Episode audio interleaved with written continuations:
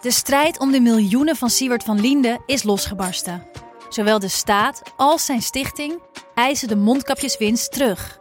Maar dat die opbrengst in ieder geval niet thuis hoort bij Van Linde, daarover kan toch eigenlijk geen twijfel bestaan. Hoe kon het zo ver komen? Dit is het. We hebben beet. En als Siewert het geld teruggeeft, kunnen wij dit schandaal dan eindelijk loslaten? Je hoort het in de Mondkapjesmiljonairs, exclusief bij Podimo. Ga naar podimo.nl/slash mondkapjes. Deze podcast is 100% expertisevrij en alleen geschikt voor amusementsdoeleinden. De inhoud mag niet worden beschouwd als financieel advies. Dit is Jong Beleggen, de podcast. Ik ben Milou. En ik ben Pim.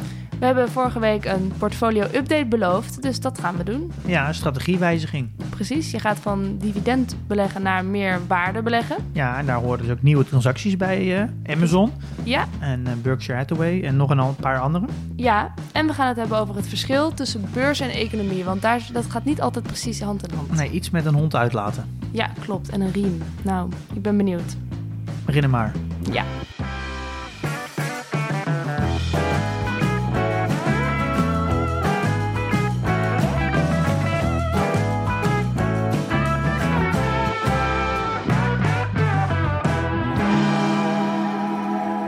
Pim, het was met weekje wel op de beurs. Ik heb eigenlijk heel weinig gekeken, maar als ik keek, dan zag ik hoge cijfers. Ja, het is een, eh, volgens Groene mij, ik denk ook. wereldwijd, eh, denk ik, eh, all-time highs. Ja, Maakt niet uit, de, de, DAX, de DAX 600, dus een beetje de S&P van Europa. Nou, de S&P zelf, de Dow Jones, de de Nasdaq, AEX. de AEX, de DAX, de Duitse beurs. Allemaal, allemaal all- all-time highs. Ja. Ja. En, en natuurlijk de, de AEX die op eh, 700, eh, voorbij de 703 punten kwam. Maar Ja. daar gaan we het zo nog even over hebben. Ja, want daar, daar hoorde ik jou over bij één vandaag, Ja, op de radio? En, ook bij, eh, de NOS. bij NOS. Ja. Ja. Het is alweer een tijdje geleden, maar in deze aflevering gaan we een eh, nou ja, portfolio-update van jou krijgen, als het goed is. ja, dat klopt. Je begon lange tijd geleden heel enthousiast met de di- dividendstrategie en groeiaandelen. Zoveel procent daar, 30, pro- 30% groeiaandelen, 70% eh, dividend. Ehm, daar ben je radicaal op teruggekomen. Ja, nou, dat is het wel iets wat niet helemaal uit de lucht komt vallen. Ik ben daar al, eh, denk ik, al maanden mee bezig. Ja, het is een, ik, ja, je maakt echt een, ik merk echt dat ik een ontwikkeling meemaak eh, als belegger. Het voelt een beetje alsof ik soort van de eerste bergtop heb beklommen en ik kan nu en ik heb overzicht wat er allemaal nog komen gaat. Ja. En wat en, zie je? en ik begrijp eigenlijk wel heel goed nu hoe de beleggingswereld in elkaar zit. En, maar echt snappen doe ik het nog niet. En ik merk eigenlijk toch wel dat het beleggen in essentie heel simpel is. Maar het is eigenlijk best wel complex. Oké, dus En- je begrijpt het wel, maar je snapt het niet. Dat doet me denken aan Bassie en Adriaan. Dat zei Bassie ook altijd. Wat is dat verschil daartussen dan? Of wat bedoel je daarmee? Nou, je ziet, je, je ziet de complexiteit van het, het, het, het soort van stockpicking. Dus het, een aandeel daadwerkelijk aanschaffen. Daar zie je gewoon heel erg de complexiteit van nu. Eh, hoe lastig het is en hoe, hoe, hoe ja, een soort van rabbit hole je inkomt als je een aandeel gaat onderzoeken. Eh, daar, kan je, daar kan je eigenlijk gewoon je, ja, maanden in kwijt zijn. Hoe kan het dan dat het zo'n rabbit hole wordt? Omdat er zoveel verschillende dingen... Ja, er is, ja, er is gewoon zoveel Meespelen? elementen die je, die je kan wegen, die je moet beoordelen. Eh, Ja. En ja, je, je blijft, er is, er wordt ook zoveel over geschreven, dus je kan maar blijven lezen. Je kan zo, er is Maar- een, een oneindigheid waar je door kan blijven gaan. Maar dit is wel een beetje... Kijk, we begonnen eh, deze hele serie wel met het idee van... Nou ja, beleggen is eigenlijk minder moeilijk dan je denkt.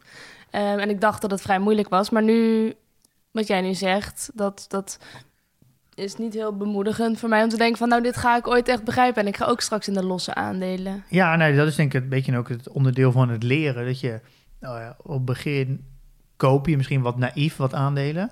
Eh, en dan ehm, kijk je naar wat punten en dan denk je, ja, dat voelt goed. Maar naarmate je meer weet, merk je eigenlijk waar je nog meer op zou kunnen letten. En nu wil ik soort van alles dat in de detail goed doen. Dus echt een extreem grondige analyse doen. Maar ik denk dat ik over tijd wel weer ga merken dat dat Hmm. ook wel weer niet helemaal nodig is. En dat je een beetje zo'n eh, eh, een beetje zo'n 80-20 regel moet hebben van je kan eh 80% van de informatie in 20% van de tijd doen. Ja. En die laatste 20% doe je het langst over. En dus je moet daar op een gegeven moment voor jezelf wel een, een soort van dynamiek in vinden.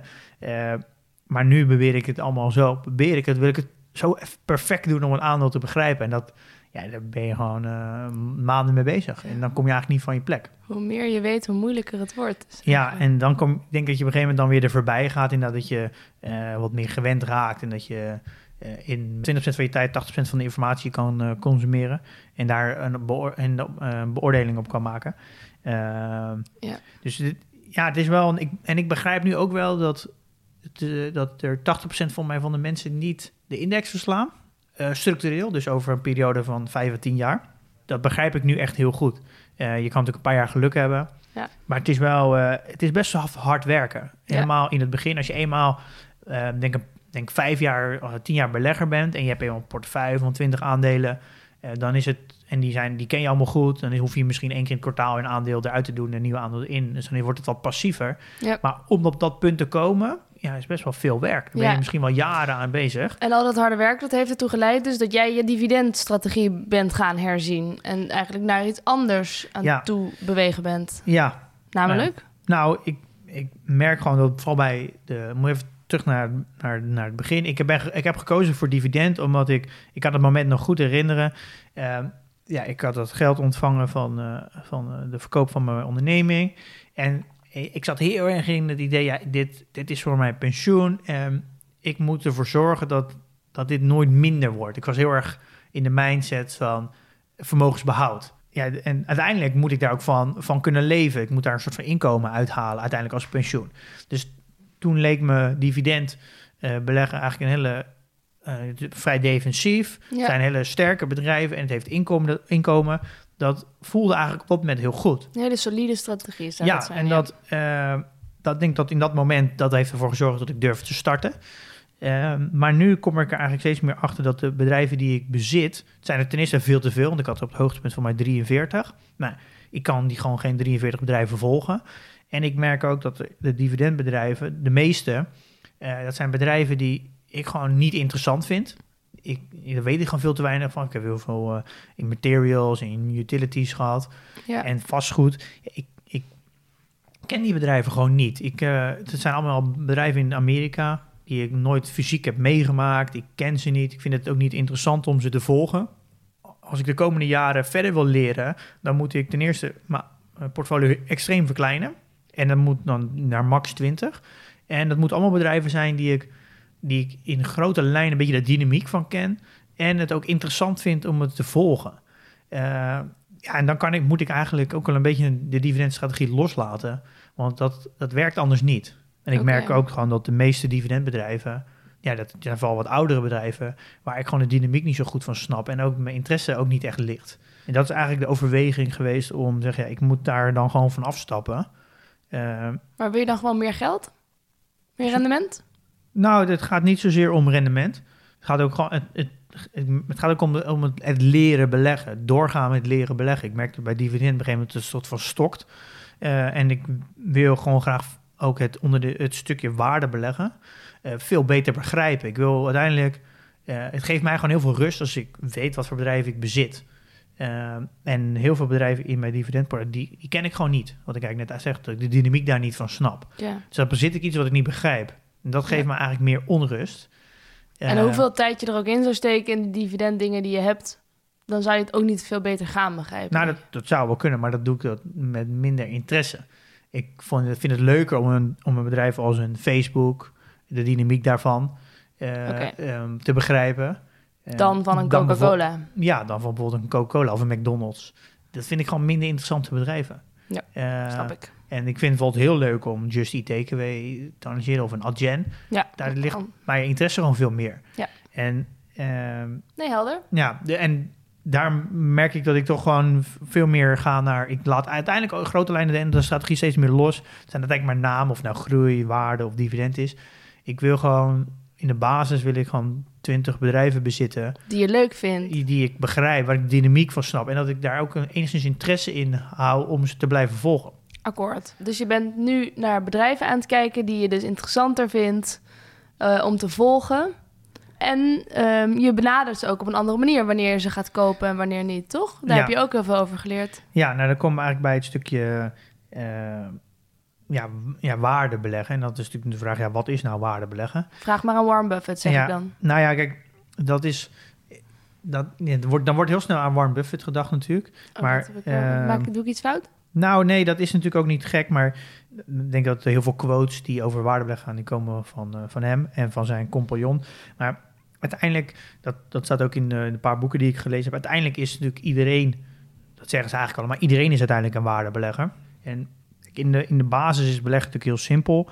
Je koopt een sterk bedrijf met een goed, goed management, dat het goed geleid wordt, tegen een aantrekkelijk, aantrekkelijke prijs. En dat valt het laatste, een aantrekkelijke prijs. Daar, daar, daar zit eigenlijk de kern van waardebeleggen. Ja.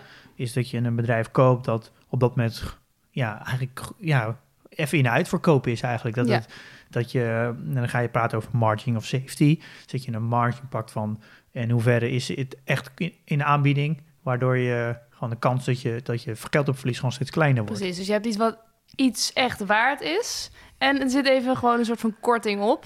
En die, met die margin of safety bedoel je dat... ehm, ja, dat is Ja, ja, dat is, je hebt eigenlijk de koers. Je hebt de koers. iets. Ja, En dan heb je eigenlijk de, noem je dan de intrinsieke waarde of de fair value. ja. Dus misschien dan kan je eigenlijk zeggen, nou dit is wat het bedrijf eh, echt waard is. Nou vaak zit de koers bij heel veel bedrijven vaak erboven. Ja. Ehm, en dan heb je eigenlijk tussen wat het echt waard is, zit een margin of safety. Dus je wil eigenlijk als het bijvoorbeeld bedrijf 100 waard is, op qua koers, en de koers is nu 110, maar je wil een margin of safety van 25, dan zou je hem eigenlijk pas kopen op 75.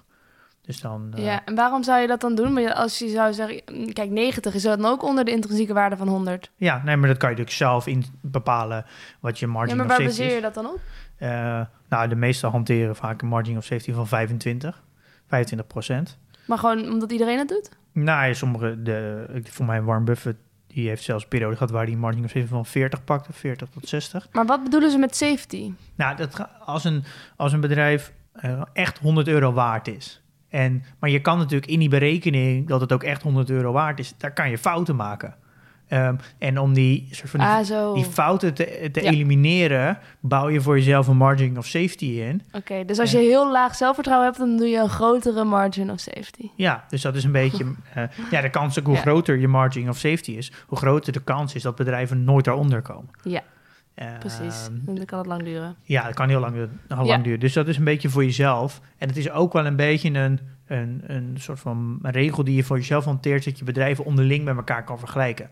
Dus wat heel veel beleggers doen, die hebben dus een portfolio eh, opgebouwd en die hebben overal de, een, een eh, soort van intrinsieke waarde, fair value berekend, met een margin of safety. En op een gegeven moment is een aandeel die, als het goed gaat, dan stijgt dat. Die gaat bijvoorbeeld zelfs over de fair value, over de intrinsieke waarde heen.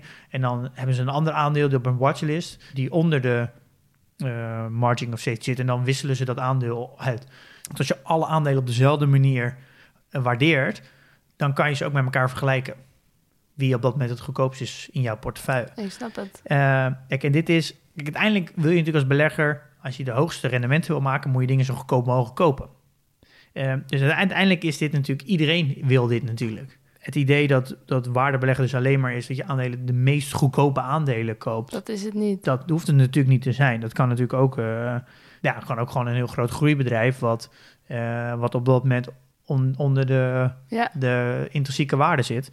Ehm, dus dat maakt niet uit. Dus uiteindelijk alle slimme, we zeggen alle slimme beleggers zijn waardebeleggers. Maar dan krijg je wel een heel moeilijk aspect erin. En dat is waarderen. En eh, dus je moet een intrinsieke waarde kunnen berekenen. Je ja. moet iets van een, een, ja, een berekening kunnen maken wat het bedrijf nou echt waard zou zijn. Ja. En dan Hmm. kan je pas de margin of safety toepassen. En daar zit voor mij eigenlijk de complexiteit. Het leren waarderen. En kan je dat al een beetje? En gaan we dat horen? Nou, daar ben ik dus, daar ben ik dus nu heel veel aan, eh, in aan het leren. Maar dat is, ja, daar kom je echt wel in een beetje de financiële hoek, economiehoek. Dat echt, ja, dat, ja, daar zijn natuurlijk gewoon studies voor. Ja. Eh, ja, en dat is iets wat je natuurlijk niet even zo leert in een paar maanden tijd.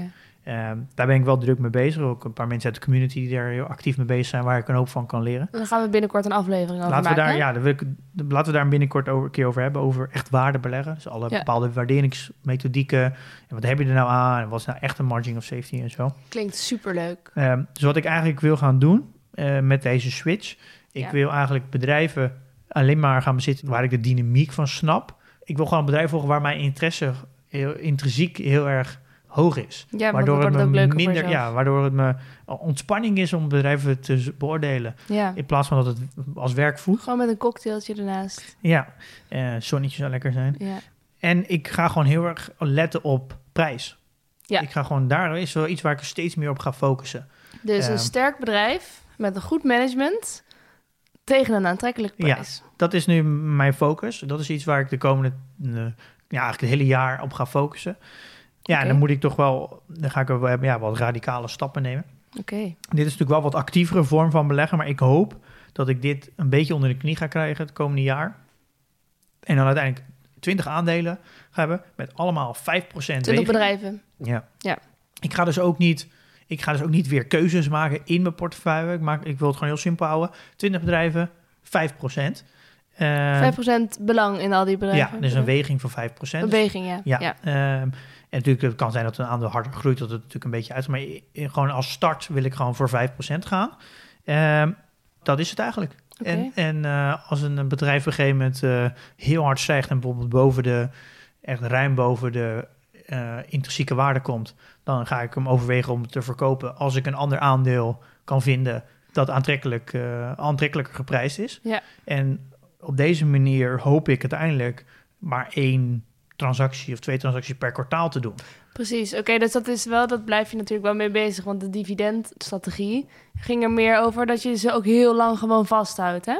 Ja, dan kijk, het meest ideale is natuurlijk dat een aandeel elk kwartaal of elk, dus elk jaar meer winst maakt. Als het natuurlijk meer winst maakt eh, en blijft groeien, Dan wordt de intrinsieke waarde hoger. gaat de intrinsieke waarde hoog. Dus als het Ja, meest ja. ideaal is dat de intrinsieke waarde stijgt en de koers ook meestijgt. Ja, Dat is natuurlijk het, want dan hoeven ze in principe nooit te verkopen. Nee. Maar het idee is eigenlijk een beetje, dat hoeft natuurlijk niet, maar als een aandeel echt heel hard stijgt qua koers, dan komt er op een gegeven moment dat gat tussen intrinsieke waarde en de koers, die wordt veel groter. En dat is dan het eigenlijk moment dat je Ja. kan zeggen, ik neem afscheid, ehm, afscheid van dit aandeel en ik ga het vervangen voor een aandeel dat, dat, dat, dat wel onder mijn margin of safety zit. En dan Ja. kan je dat aandeel wel blijven volgen, dat als dat op een gegeven moment weer rechtgetrokken wordt, dat je dan bijvoorbeeld weer koopt. ja oké. Dat is een beetje het, het in de basis het idee. Als je het dan hebt over ehm, dingen, ja, bedrijven eh, kopen die jij leuk vindt ook om bij te houden, zijn er dan ook op voorhand al nou, misschien sectoren waarvan je zegt, nou hier ga ik me helemaal niet meer mee bemoeien, want dat vind ik gewoon echt niet boeiend. Nou, er zijn allemaal geen harde regels, maar ik merk dat mijn interesse gewoon totaal niet ligt bij utilities. Wat is dat ook alweer? Eh, dat zijn in, eh, ja, in Nederland kennen we dat niet zo heel erg, maar dat zijn bijvoorbeeld de, de energienetwerken ja, oh ja. en eh, spoor en zo, Ja, een beetje de Voorzieningen. voorzieningen. Die, in Nederland zijn die allemaal een beetje Op het monopoliebord staan ze wel, de nuts. eh, ja, bedrijven. nutsbedrijven, dat, daar zocht ik naar. Maar in Nederland zijn dat meer halve staatsbedrijven, maar in Amerika en heel veel andere delen in de Oh, ja. zijn natuurlijk allemaal commerciële bedrijven. Ja. De financials eh, en dan echt de klassieke De financials. banken. ik merk gewoon dat ja, ik, ik, ik eh, heb daar gewoon heel veel moeite mee om die bedrijven te volgen. Ik snap het verdienmodel niet zo heel goed. Ehm, En de toekomst is twijfelachtig. ja, ehm, dus daar, in mijn interesse ligt daar gewoon niet. Nee. Eh, nou, eh, vastgoed merk ik ook dat ehm, ja, heel veel vastgoedbedrijven zitten vooral in, in, in Amerika. En ik merk ook gewoon dat ja, het, is, het is heel iets abstractie, is heel moeilijk eh, beoordelen. Ja. En ik denk ook wel, dat is een ander ding, dat ja, vastgoed is iets wat natuurlijk heel erg rentegevoelig is. Eh, wat ik natuurlijk het liefst een beetje wil vermijden. Eh, want dan kom je een beetje hetzelfde bij materials, dus uit de materialen, bij grondstoffen en zo. Ik wil gewoon liefst bedrijven vermijden die afhankelijk zijn van een externe factor. Oké. En dan heb je energie, dus dan moet je denken aan olie en zo. Eh, dus Of aan groene energie. Nou ja, dan, dat zou dan wel kunnen. Dus ik, het, zou- het is allemaal niet zo heel erg hard natuurlijk. Maar dat is een beetje de, Ruwweg. wat ik een klein beetje, en niet eens eruit sluit, maar waar ik minder focus op. Maar dat gaat eigenlijk vanuit de natuur. Want als ik bedrijven volg die, die ik interessant vind, dan valt dit er eigenlijk zo te maar buiten. Want ik merk nu al dat ik heel veel interesse in heb in technologie. Maar dan met Oh. een grote focus op software eh, en platformen. Ik merk gewoon dat ik gewoon goed de dynamiek van een platform snap. Ja.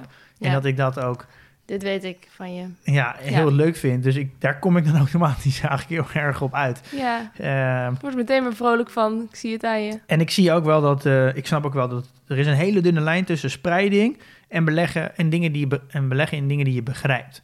En Oh. daar zit natuurlijk een, Dat moet je even uitleggen. nou ja, het spreiding wil je het liefst over alle sectoren, want dan heb je het meeste risico eh, heb je een goede, een goede spreiding. Ja. Maar dan ga je dus automatisch in dingen beleggen die je niet begrijpt. Omdat je, je kan niet alle sectoren begrijpen. Ah, oh ja, natuurlijk. Ja. Dus daar zit ik nog wel een beetje te zoeken. Dus ik, daar moet ik nog even goed naar kijken of ik... Want het, ja, bijvoorbeeld Booking is dan wel technologie, maar zit dan bijvoorbeeld wel weer in, in eh, de reis. Dus dat is dan... Dat is wel een platform, dus daar moet ik dan een beetje naar kijken. Dat het ja, in de ik basis iets wat ik interessant vind, maar dat het wel verspreid zit over meerdere sectoren. Dat Dat, een is voor mij wel een belangrijke dan. Ik, Beetje dat, puzzelen. dat ik dat in de gaten hou. D'accord. Eh, dus ja, dat is een beetje de, mijn plan voor de komende tijd. Oké. Ehm, En je hebt dus ook dat al toegepast afgelopen tijd. ja, nee, kijk, een je kan ja, in één keer alles doen is best heftig. Want Ja. ik kom nu eigenlijk op zo'n punt. Ik weet wel welke bedrijven ik kan wil verkopen. Alleen dat heb ik dus nu ook. Ik heb heel veel bedrijven verkocht. Alleen ik kan het makkelijker verkopen dan ik nieuwe bedrijven kan beoordelen. Waardoor ik eh, eigenlijk ja, best wel wat cash nu creëer. Ik heb nu wat aandelen verkocht. Ik heb volgens mij nu ook best wel veel cash. Eh, omdat ik gewoon niet zo snel nieuwe bedrijven kan beoordelen. Nee, Dus ik kan niet in één keer alles omgooien. Dus dat gaat wel wat tijd overheen. in stapjes. Nou ja, Ja. ik, ik eh, zal je niet op de hielen zitten.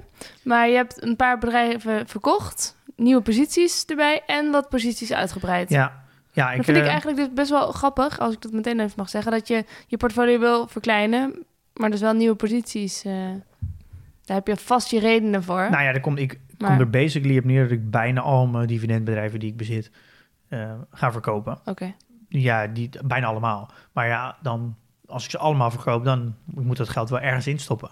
En ik ga ze niet allemaal stoppen in alle, alleen maar groeibedrijven die ik nu heb. nee, Dus dan moet ik dus nieuwe posities gaan innemen. oké.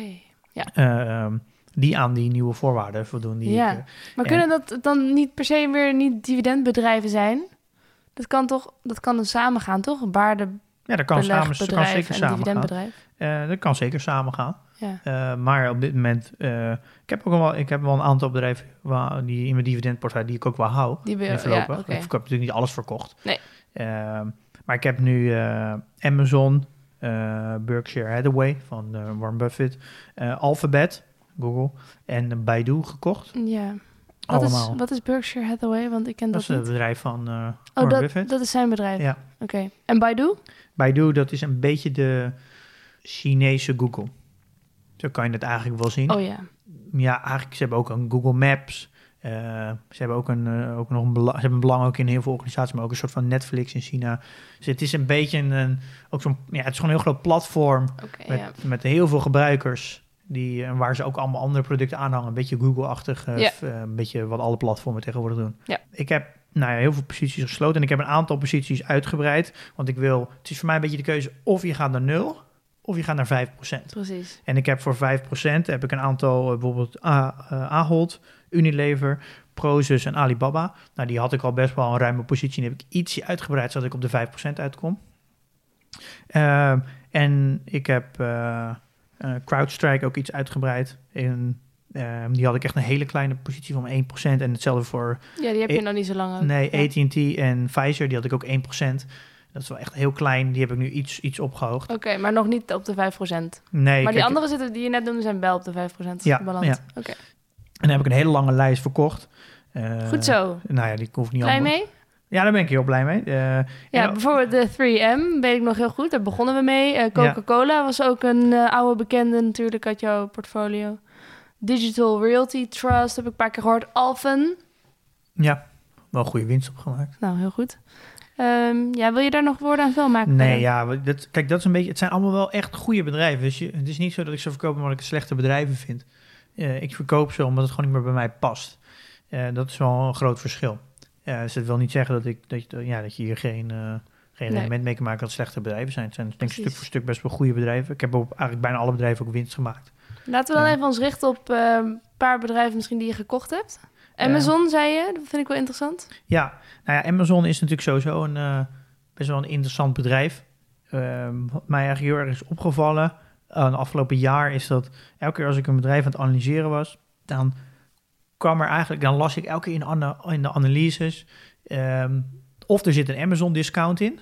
Dus dat dan merk je bijvoorbeeld bij eh, Ahold. Dat ze zeggen, ja, Amazon komt naar Nederland, dus bol.com die wordt nou minder waard. Dus er, er zit een, zeggen ze, ja, er zit een Amazon discount in de koers. Ja, de, oh, precies. Omdat. Oké, ja. eh, als concurrent. Ja. Of ik las, ja, we moeten hopen dat Amazon niet deze industrie inkomt. Want dan is deze analyse, moet die opnieuw bekeken worden. En, Dus dan is het zo'n grote speler aan het worden. en dat ik dat wel heel vaak dacht, dat ik, ja, dat, je moet dus Amazon meenemen in je, soort van je analyse als je een bedrijf analyseert. Ja. Nou, dat is, dat is eigenlijk insane hoe sterk dat bedrijf dan is.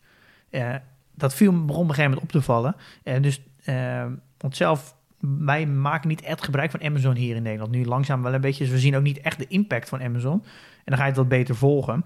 Eh, eh, maar ik maak eigenlijk al, eh, denk al, al misschien wel acht jaar gebruik van Amazon in de vorm van Amazon Cloud. Dat is een van de allereerste cloud-leveranciers voor Mhm. eh, software. Dus daar, eh, die, die kennen we al vanaf het begin.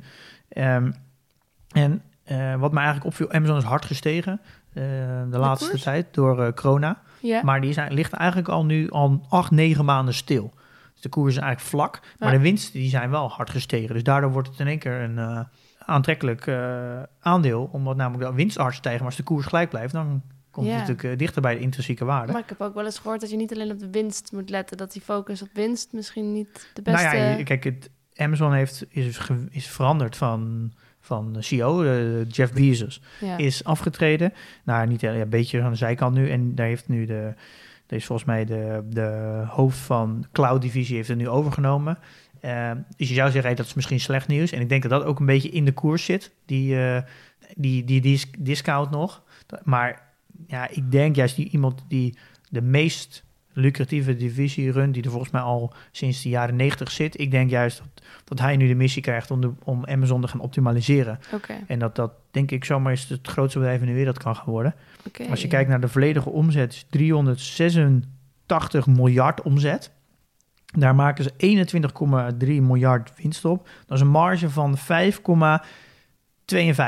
Nou, dat is echt heel laag, een marge.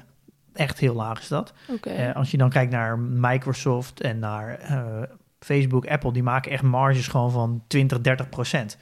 Ehm, dus dat naar is dan negatief, toch? dat is heel negatief, maar dan komt de volgende. De cloud, eh, en dat is echt bij far de beste en de grootste. En daar zit daar in de cloud, er zit nog zoveel groei in. Dat is echt de cloud business, joh, dat gaat nog zo hard groeien. 45,3 miljard omzet, 13,5 miljard winst. Dat is een marge van 29,8 procent. Dus, dus in de cloud divisie zit een marge van 30 procent. En die cloud divisie gaat nog, de cloud überhaupt gaat nog hard groeien, die hele industrie. Dus ik denk sowieso dat alle spelers die die heel groot zijn in de cloud, dus een Amazon, Microsoft, Google, Alibaba, die gaan de komende jaren echt nog extreem veel winst maken wat daar zit. Ik denk dat daar ook het verschil wordt gemaakt, denk ik, de komende vijf jaar met Apple, die daar niet in meedoet, want daar zitten echt de marges. Ja. Eh, maar nu gaan we even de cloud omzet en de winsten van de, hele bedrijf afhouden, want Amazon is eigenlijk gewoon een webwinkel. Oké, dus Ja. je gaat even doen alsof de cloud dan even niet meetelt en wat er dan overblijft. Ja, van ja. De, oké. Dus dan hou- houden we dus nog 341 miljard omzet over. En dat is voornamelijk eh, shopping. Dus gewoon een webshop. Van, Mhm. En er zit natuurlijk wel een klein beetje eh, Prime subscription in, maar dat zal denk ik 20 miljard zijn. Ja, dus nog steeds flinke omzet. Ehm, dan hou je een winst over van 7,8 miljard. dat is relatief weinig als je Eh, vergelijkt met wat je net al Ja, dan kom je op een marge uit, alleen maar met de webshop. Eigenlijk gewoon het, het verkopen van spullen. En dan wel, zitten natuurlijk wel meer takken in met een marktplaats en zelfverkopen en distributie en zo en bezorgen. Mhm. Maar toch, dan kom je op een marge uit van 2,29. Dat is nauwelijks marge. Dat Eigenlijk als ik dit hoor, dan moet ik denken aan toen ik nog in een restaurant werkte, dat we gewoon de hoogste marge pakten op de wijn verkopen. Eh, De glazen wijn. En op het eten ging je niet heel veel marge pakken. Dus de, ehm, het, het eten is een beetje de, de shoppingtak gewoon van Amazon. En de marge pak je in de cloud. En dat is dus de wijn. Ja, nou, dat- zeg je wel goed. Maar dan ga je, het- dat dat klopt wat je zegt, maar dan ga, dat is ook de reden waarom ze een soort van die wereldexpansie kunnen financieren. Dat doen ze gewoon met de cloud. Ja. Zon, als Amazon die cloud niet had, had het nooit zo'n lucratieve business geweest als het nu is. Maar die, die 2,29 procent, als je dat vergelijkt met supermarkten, ja, nou ja, de supermarkt is gewoon, eh, ja, die maakt marges van 3 tot 4 procent in Nederland. Dus die doen het beter. Ja, maar dat is natuurlijk, en dat is natuurlijk gewoon een supermarkt. Dat moet bevoorraad worden, gaan mensen het halen. Dat is natuurlijk helemaal geen, dat is niet dig, niks digitaals. Dus je kan eigenlijk makkelijk zeggen dat Amazon makkelijk met, met die hoek een marge moet maken van 10%. Ik denk dat Amazon, dat bol.com en Coolblue dat misschien, nou, misschien net niet halen. Maar dan moet, zou. Amazon in principe moeten kunnen halen, denk ik. Waarom doen ze dat dan niet? Nou ja, dat, is gewoon, ze zijn nu alleen maar bezig met wereldexpansie. Ja. En dat, ik denk gewoon dat de komende vijf tot tien jaar, dat die marges in die tak makkelijk naar 10% kunnen Ja, gaan. want als ik dit zie, dan zou ik bijna zeggen... nou, laat lekker dat shopping eh, gebeuren liggen... en ga je richten op de cloud. Ja, dat zei je, maar er zit natuurlijk een extreem veel eh, groei nog in, in die, want die 2,9% marge is natuurlijk super laag. Dat kan denk ik echt wel naar 8 à 10%. Dus ja, als je dat drie keer over de kop doet, dan verdubbel je gewoon instant alle winst die je nu in Amazon hebt zitten. Ja, En dan heb je ook nog eens over dat de cloud ook nog hard, hartstikke gaat groeien. Dus ja, met andere woorden, je ziet heel veel potentie. ik denk dat, dat daar gewoon heel veel potentie in nog, in, nog in zit. En dat is denk ik ook het mooie aan, eh, aan al die grote bedrijven. Die hef- hebben vooral heel veel focus gehad op groei. En dat er op een gegeven moment gewoon een punt komt dat er gewoon heel veel waarde nog in zit wat, waar, wat er uitgehaald kan worden. En ik denk dat bij, de, bij bijvoorbeeld een Google of een Amazon, daar zit dus de winsten in dat ze ook nog steeds nieuwe dingen doen. Maar dat ze dus ook nog heel veel kunnen optimaliseren in de bestaande, eh, in de bestaande omzet. Oké. En ja, dat, dat is natuurlijk, nou kan je aan twee kanten dus eh, groeien. Eh, Ja. Vanuit binnenuit en vanuit buiten. Ja, daar gaat denk ik de, de komende tijd wel de, de groei vandaan komen. Ben benieuwd. Ik denk namelijk steeds meer dat je, als je nu gaat kijken naar de grote bedrijven van Google, eh, Facebook, Apple, Amazon, Microsoft, Adobe, Netflix, alle die grote platformen die heel veel verschillende producten hebben. Ik merk dat die, ik vind ze vrij aantrekkelijk geprijsd als je vergelijkt met wat voor groei ze allemaal nog meemaken van echt 10, 20% groei per jaar minimaal. Ja, ik denk dat de komende jaren dat daar eigenlijk nog de, de, de groei vandaan moet komen. Dat zijn de, de partijen die denk ik de kar gaan trekken. Helemaal omdat nu op een all-time high zitten, vind ik ze nog voor de groei nog vrij aantrekkelijk geprijsd. Eh, valt Nou. mij eigenlijk heel erg op. Dus ik, dat zie ik ook in mijn portefeuille. Dat ik nu ook op eh, waardering ga letten. Merk ik eigenlijk dat alle gro echte grote jongens eh, eigenlijk best wel goedkoop geprijsd zijn. Oké. Ja, dus, nou, doe er je voordeel mee. ja, dus ik merk ook steeds meer. En daar voel ik me eigenlijk ook heel veilig bij. Want ik denk dat ja, die grote bedrijven die ik nu bezit, ja, die, daar kan ik ook niet zoveel fout aan doen. Eh, denk ik. Die zullen nooit eh, Kapot gaan. echt ja, helemaal weer naar nul gaan. Dat kan niet. Oké. Eh, ik ga gewoon ongeveer 85%, dus dat is ongeveer 17 bedrijven, die ga ik meer op deze manier doen. Ehm, dus meer, voelt ook wat veiliger. Ik denk nou, dan Amazon, als je die tegen een, een beetje een discount koopt, kan je er eigenlijk niet heel fout doen. Ik kan me niet voorstellen dat je er, als je die drie tot vijf jaar houdt, dat je daar überhaupt verlies op gaat maken. Dat lijkt me bijna onmogelijk. Mhm. Maar ik wil dan drie bedrijven ongeveer, om erbij, dus 15%. Die wil ik dan doen in hele risicovolle aandelen. Die, maar die dan ook wel de potentie hebben om de komende vijf jaar wel echt een paar keer over de kop te gaan. Dus dat is een beetje hoe, wat ik nu mijn verdeling wil eh, Ja. gaan zetten. Dus eh, heel veel gewoon heel stabiel en een paar uitzonderingen. Maar echt gewoon lekker eh, waar, het zou stunten. waar het zou kunnen dat het, dat het, ja, dat het echt dat het, ja, best wel één of twee keer, ehm, dus, dus 100 tot 200% kan groeien in de komende drie tot vijf jaar. Daar ben Eh, ik benieuwd naar. en, dat, Spannend. daar is bijvoorbeeld Just Eat Takeaway, is er denk ik één van, Ja. die dat in de potentie wel heeft. Maar dat is best wel een risicovol aandeel, want dat is, ja, er, zijn, er zitten nog zoveel onzekerheden. Er moeten zoveel dingen goed gaan voordat Ja. het gebeurt. Maar je kan natuurlijk niet je portefeuille alleen maar Just Eat Takeaways doen. Ehm, dus dat wil ik dan beperken tot drie. Eh, zo wil ik dat een beetje gaan, in- gaan insteken. Oké.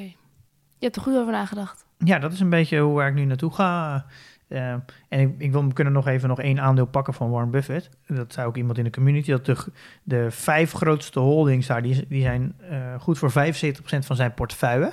En daarvan zitten een aantal tussen die ik eigenlijk net verkocht heb. Coca-Cola, Verizon en Bank of America. Dus is eigenlijk wel grappig dat ik verkoop ze nu en ik koop daardoor Warren Buffett. En dan koop ik eigenlijk indirect koop, ze terug. koop ze terug. Alleen Is dat expres? nou, ik heb liever dat hij ze beheert dan dat ik ze beheer. Want hij, ik koop sowieso al via een korting via hem. En hij heeft ook nog eens eh 138 miljard cash. En ik denk dat we ja, op een periode waar we een all-time high zitten, waar je dan toch wel verwacht dat hij uiteindelijk ook weer wat naar beneden gaat. Is het fijn om Dan is het volgens hebben mij juist heeft? ook een beetje een defensiever aandeel. Dat je dan ook, dat hij ook lekker kan gaan shoppen straks. Ik voel me daar wel wat veiliger bij om... eh, Je geeft het gewoon een beetje uit handen. Dit is een soort he- hele passieve ETF eigenlijk. Ja, maar dan wel heel geconcentreerd. En hij heeft in 2020 bijna 25 miljard aan share buybacks gedaan. En in de eerste twee maanden dit jaar al 5 miljard. Dus die aandelenkoers wordt alleen al opgedreven door alleen het inkopen van eigen aandelen. Eh, omdat hij zijn eigen bedrijf nu ook vrij goedkoop vindt. Dus ja, ik, daar kan je denk ik ook niet zoveel fout aan doen. Weet niet of je er echt een markt mee verslaat, maar ik denk, ik vind het wel fijn omdat iets defensief, net dat ik Ahold Een heb soort en, dempend en, effect en ook. Unilever. Omdat hij de cash heeft om straks in een dip er Ja. gewoon bij te kopen. Dus ik heb eigenlijk nu Berkshire, Unilever en Ahold, die alle drie wat defensiever zijn. Die ik denk tegen alle drie tegen een aantrekkelijke prijs heb gekocht. Daar voel ik me ook wel goed bij om, eh, om die manier ook een beetje die spreiding te houden. Leuk. Ja, update. Ehm, jong beleggen de kaasschaaf. Klinkt het nog bekend? dat had ik ooit bedacht. Eh, niet echt meer aan toegekomen. Ik kreeg het een beetje druk. Maar ik, ik wil nog steeds, het zit nog wel in mijn hoofd. Ik ga een jong belegger de kaasschaaf maken. Ik heb al wat ideetjes. En iemand die eh, stuurde er laatst ook een berichtje over. Hoe heette die ook weer, Pim? Weet jij dat nog? Nee. Oh, nou, die stuurde... eh, ja, leuk idee, jong beleggen de kaasschaaf. Misschien moet je het ook met een G schrijven, kaasschaaf. Omdat het zo'n gave podcast is. Oh. Ja, heel goed idee. Dat, eh, ik weet nog niet of ik dat ga doen. Maar eh, nou, leuk dat in ieder geval nog iemand denkt aan een jong de kaasschaaf. En misschien daarover later meer. Jij nog een update? Ja, ik wil nog even. We zijn nu zoveel afleveringen verder nu. We hebben er eigenlijk er nooit meer ernaar verteld. En er zijn ook heel veel nieuwe luisteraars bij. Dus misschien Ja. goed om even uit te leggen wat nou vriend van de show inhoudt en hoe je dat kan worden. Want Wat is dat ook alweer? Ja. ja. Ehm, nou, we hebben dat in aflevering 19 aangekondigd en daarna eigenlijk niet meer teruggepakt. Ja, met vriend van die show, als je vriend van de show wordt, dan steun je natuurlijk de podcast. Ehm, maar dan steun je dus ook de ontwikkeling van de portfolio dividend tracker. En een, de portfolio dividend tracker zijn we nu aan het ontwikkelen. En we vragen eigenlijk een, eh, een, eh, een donatie, eh, waardoor je ook mee kan denken met de ontwikkeling. Eh, het gaat wel heel erg goed. We verwachten eind dit jaar wel publiek live te zijn. En eh, met een portfolio dividend tracker kan je eigenlijk je, al je transacties inladen. En dan krijg je een overzicht van, eh, van je portefeuille. Maar dan heel, heel mooi visueel in alle, welke sectoren je zit, welke valuta, welke regio, wat straks de performance zijn. Dus je krijgt een performance grafiek. Kan je eventueel vergelijken met een bepaalde index of met andere jonge beleggers. Mhm. Je kan meerdere portfolio's eh, beheren. Ehm, we hebben ook een plan om bepaalde targets te gaan instellen. Dat je bepaalde sectoren, bepaalde targets of valuta, dat je kan zien hoeveel je er afwijkt van bepaalde doelen. Ehm, Ja. En een overzicht van al je ontvangen dividenden. Een heel mooi grafiek, visueel gezien. En dat je ook kan zien wat er in de toekomst aan zit te komen. Ja, Ja, allemaal met het idee, kennis is macht. om gewoon inzicht te creëren in je beleggingen. Ja, Eh, we willen op broker onafhankelijk zijn, dat is het plan. Ehm, en daar vragen we eigenlijk een donatie voor 5 euro per maand. Dat komt neer op 60 euro per jaar. En daarvoor eh, mag je meedenken in het product. Je mag ook al beta-testen. Dus je mag al het product in de testfase al, eh, eh, al testen en gebruiken. Ehm, en je kan feedback geven en ideeën aandragen die we moeten gaan bouwen. Dat is wat je allemaal voor krijgt als je vriend van de show wordt. Ja, en er komen nog elke week weer nieuwe vrienden van de show bij. Die willen we natuurlijk weer bedanken. Carlo is 28 en hij stuurt... sinds januari ben ik op de podcast gestuurd... nadat ik meerdere malen gesprekken had gevoerd met mijn broer... over beleggen en ons pensioen. Hebben we nog wel een pensioen als wij 67 of 70 zijn? En zo ja, in welke vorm dan? Vanuit die invalshoek ben ik me steeds meer gaan verdiepen in beleggen. En begin deze week ben ik begonnen bij de Giro. En nadat ik iets meer afleveringen had geluisterd en mezelf verder had verdiept. Nou, Carlo, veel succes. En leuk dat je erbij bent. Ja, welkom in de community en Ja. dankjewel voor, eh, voor jullie steun.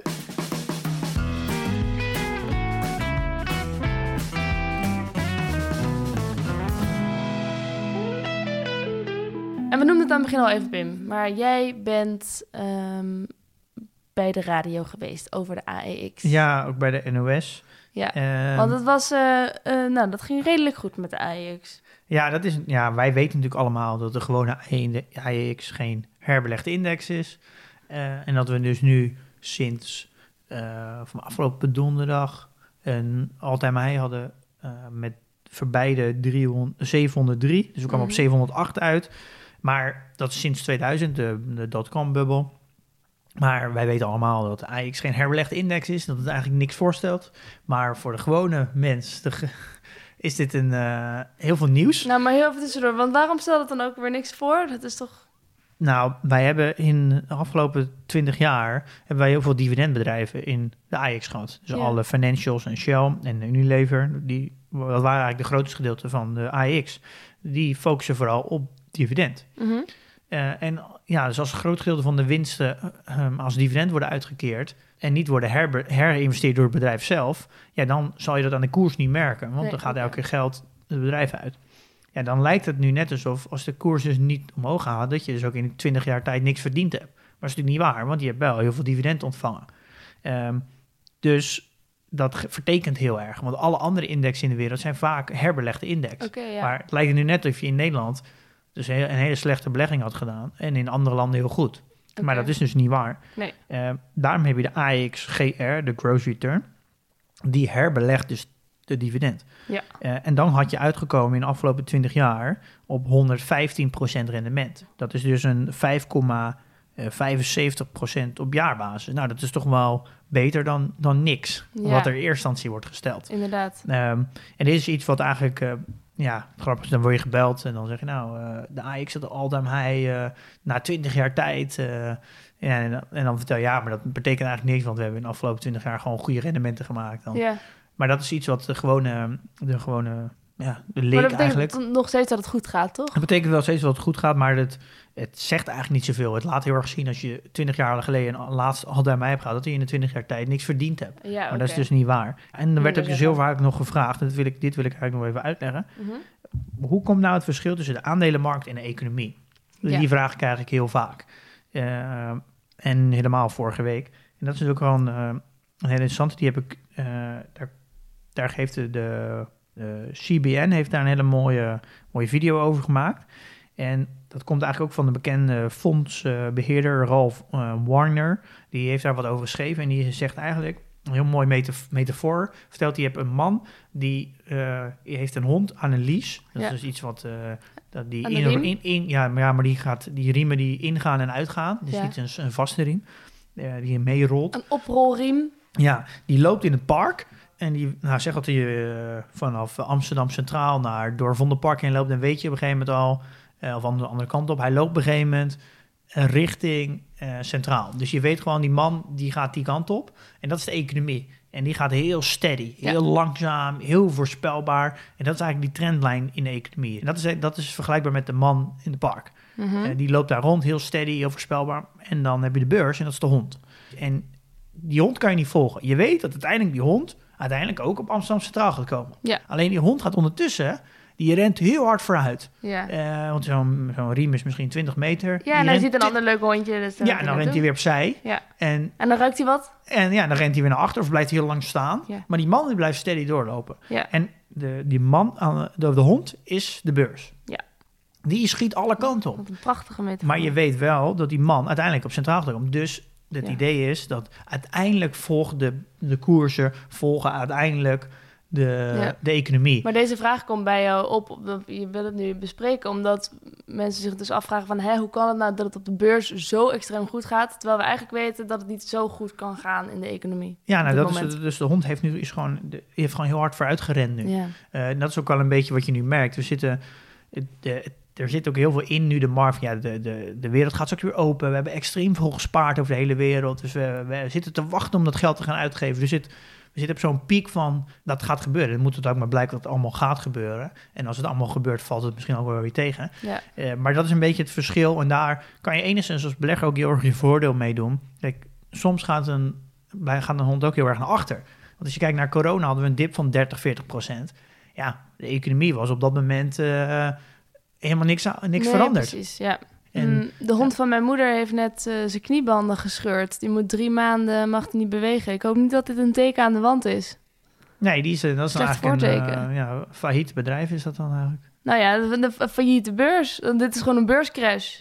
Ja. Ja. dat is niet goed hè. Nee. Dus dit is iets wat je, ook een leuke video als je op de website kijkt, moet je, het duurt eh 10 minuten. Het is wel leuk om te kijken, het legt heel mooi uit hoe, eh, hoe die Ja. dynamiek werkt.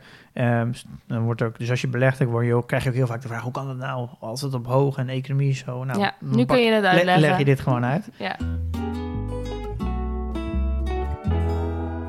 Nou ja, we hebben je portfolio-update eigenlijk al gedaan, hè? Ja. Maar je kan nog wel even je waarde noemen, want dat Ja. heb ik nog niet Ja, gehoord. ik heb eigenlijk niet, eh, nog niet bijgelegd. Dat moet ik eigenlijk nog wel doen. Ehm, dus dat ga ik binnenkort wel doen. Maar ik moet eerst daar even een, een bedrijf voor vinden. Mhm. Dus ik heb eigenlijk nog niet bijgelegd. Maar ik heb eh 204.600. Ja, dit gaat fantastisch Dus dat is een, natuurlijk. eh, zonder bij te leggen eigenlijk een, eh, een nieuwe all-time high. Echt een all-time Ja, high. volgens mij heeft eh, iedereen dat. Jij ook, denk ik? Ja, zeker. Ik had, eh, gisteren stond ik op 700 euro extra, eh, wat, ik eigenlijk, wat ik nou zou hebben als ik het nu uit zou halen sinds ik begonnen ben. zou ik 700 euro rijker zijn. Ja, oh, ja wat heb je ervoor gedaan? Weinig. Zelfs een paar foutjes gemaakt. Nee, mijn portfolio, eh, portefeuillewaarde is 5743. En ik heb ook net hier aan de keukentafel eh, wat bijgekocht in de S&P 500. Want ik had even geen zin om meer uit te zoeken... wat is nou die goede China-ETF die ik nou moet hebben. Ja, ik ben wel heel erg opportun, merk ik. Ik moet mezelf nog even iets strenger worden over een strategie en zo. Ik had volgens mij ook al, had ik verteld, toch? Dat ik laatst weer de verkeerde China-ETF erbij had gekocht... ja. omdat ik twee wijntjes op had. Ja, dat is wel even geleden. Ja. Ja. Dat is, ja, dat was vorige keer. Afijn, dus ehm, ja, maar het gaat alsnog goed. Dus ik, zo, kun je, zo zie je maar. Ja, dat is natuurlijk wel een, eh, belangrijk om even van tevoren even goed een keer gaan zitten om een strategie uit te schrijven. En dan, dan is het gewoon een kwestie van herhalen, waardoor je het ook gewoon volhoudt en Ja, niet klopt. elke keer tegenaan hikt. Ja. Maar je bent wel belegd en je blijft wel elke maand beleggen. En dat is natuurlijk dat is het uiteindelijk de kracht. Hè? De kracht zit hem in zo lang mogelijk beleggen en structureel inleggen. Dan kan je eigenlijk weinig fout doen. Het is Zo'n geruststellende gedachte. Ja, en dit, deze handeling blijf je nu de komende 30 jaar doen. Oui, monsieur. Ja. Oké, reviews. Ja, De reviews. We hebben een 5 sterren review van niemand minder dan... Frenkie de Jong. maar ik weet niet of het dan nee, dat is hij sowieso niet. Andere Frenkie? Oh, ik ben zo fan van Frenkie. Goed, Frenkie de Jong, ik, gewoon, ik stel me gewoon even voor dat het een bel is. Die schrijft, top duo, supergoeie podcast, erg leerzaam. Milou stelt goede vragen en zorgt ervoor dat Pim zijn kennis kan delen. Inmiddels luistert mijn vriendin ook. Al is zij wat gestructureerder en bij aflevering 1 begonnen. Ik doe alles door elkaar. Hmm, Frenkie toch. Ehm, volgens mij zat ik bij je op de middelbare school in Alphen, Pim. Grote leiders heeft deze school voortgebracht. Knipoog. Ah, ken je nog? Nee, ja, nee ja, ik, ken, ik heb nooit bij een Frenkie de Jong op school gezeten en ik weet niet wie het is. Weet ik geen idee. Ik heb het naar wat vrienden doorgestuurd van die tijd. Maar die weten het ook niet. Ja, Nee. Oh, nou ja. maar ja wel leuk. Dat, Ja. En, en soms schrijven ze bij jou ook Tim met een T. eh, ja, heel vaak gebeurt dat. en bij mij Marlou. Of Malou. Ja, Malou. Ja, het is blijkbaar ingewikkeld. Ja, ook een Ehm, keer Anouk genoemd. Ja. Ook een keer Anouk, inderdaad. Eh, goed, Frankie schrijft verder. Ik zou het leuk vinden om eens een China-expert in de podcast te horen. Merk dat veel mensen elkaar napraten over onder andere bedreiging voor grote Chinese bedrijven is dat de overheid zich ermee bemoeit. Ehm, dat stond tussen aanhalingstekens. Ik denk zelf dat China de toekomst heeft in plaats van de United States. Ga zo door en bedankt voor alle informatie. Leuk berichtje, Frankie, dankjewel. Nou, zullen we Frankie even blij maken? Wij gaan Frankie even blij maken. Volgende week gaan we het hebben over eh, China. Ja, dan komt de expert Ties Dams. Hij heeft al een boek geschreven over Xi Jinping. Dat is de grote leider van China op het moment. Ehm, en ja, China is een waanzinnig fascinerend land. En Ties die kan er ontzettend goed over vertellen. Hij Ja. werkt bij Klingendaal. Dat is natuurlijk super gerenommeerd. Ja, We hebben een echte onderzoeker. We hebben een, ook een topic geopend in de community. Dus als je vragen hebt eh, over China en die wil graag, eh, waar je graag meer van wil weten, laat het horen. Het idee is wel, nou laten we eerst maar beginnen met één. Maar het idee is wel om, eh, om een meerdelige serie over China te maken. En dat we het ook een beetje opbouwen. Dat, Ja. eh, ik denk dat we, even merk ik persoonlijk, dat ik eh, eerst moet beginnen met, wel, ja, hoe zit nou China in elkaar? Hoe werken die structuren? Hoe werkt de overheid nou met bedrijven? Wat is de cultuur? Ja, nou, staatskapitalisme. En heel erg dat, die dynamiek. En Ja. hoe, wat voor stappen slaan nou de Chinezen over het, vergeleken met wat wij gewend zijn. Ze zijn in één keer naar een telefoon gegaan zonder desktopcomputer, zonder internet wat fysiek ligt, maar allemaal via Ja. 4G en zo. Dus ze slaan heel veel stappen over. En daar ik denk dat het heel belangrijk is om dat te weten, zodat je die dynamiek ook beter snapt hoe innovatie daardoor dus werkt. Ja, want Ja. Nou, in China werkt het zo, je hebt gewoon een, een heel leger aan IT-nerds. Die kun je gewoon zeggen van, nou, China wil over vier jaar, willen we dit hebben. Doe het maar. En omdat ze die, ja, eh, niet echt een bepaald een democratie zijn, kunnen ze dat gewoon bepalen. Vanuit de grote leider kan dat gewoon bepalen. Heel effectief. Het, ja, nou ja, dictatuur is natuurlijk de meest efficiënte vorm van een land runnen. Ja. Ehm, Ja. ja, Ehm. dan houdt het ook maar op, denk ik. dat is, is wel heel Ja, maar de- Ja. laten we de- het aan een expert overlaten, Anouk. Ja. Ehm, Fuck you. ehm, is te erg? eh, ik weet niet, Piep. Nee. Piep. Tim, Ehm, continue. Maar eh, ja, daar gaan we het over. Ik kijk ernaar uit. Ik ook. Ja, en ik wil ook op een gegeven moment ook wel, daar gaan we later denk ik in wat meer in de aflevering verder doen, ook wel eens dieper op ingaan. Hoe werkt nou zo'n Alibaba en Tencent, Ja. misschien zo'n Baidu, dat, dat En eh, Ties er ook? ook wat meer over kan vertellen. Het Precies. land, de wereld. Dus ik ben wel benieuwd wat uh, Ties daarover denkt. Nou, Ja. Anyway, dat, dat kan allemaal later nog. Dat gaan we in ieder geval doen. Toch, Tim? Juist. Dankjewel Anouk. Ehm er rest ons nog één ding. Investeer in je kennis. En beleg met beleid.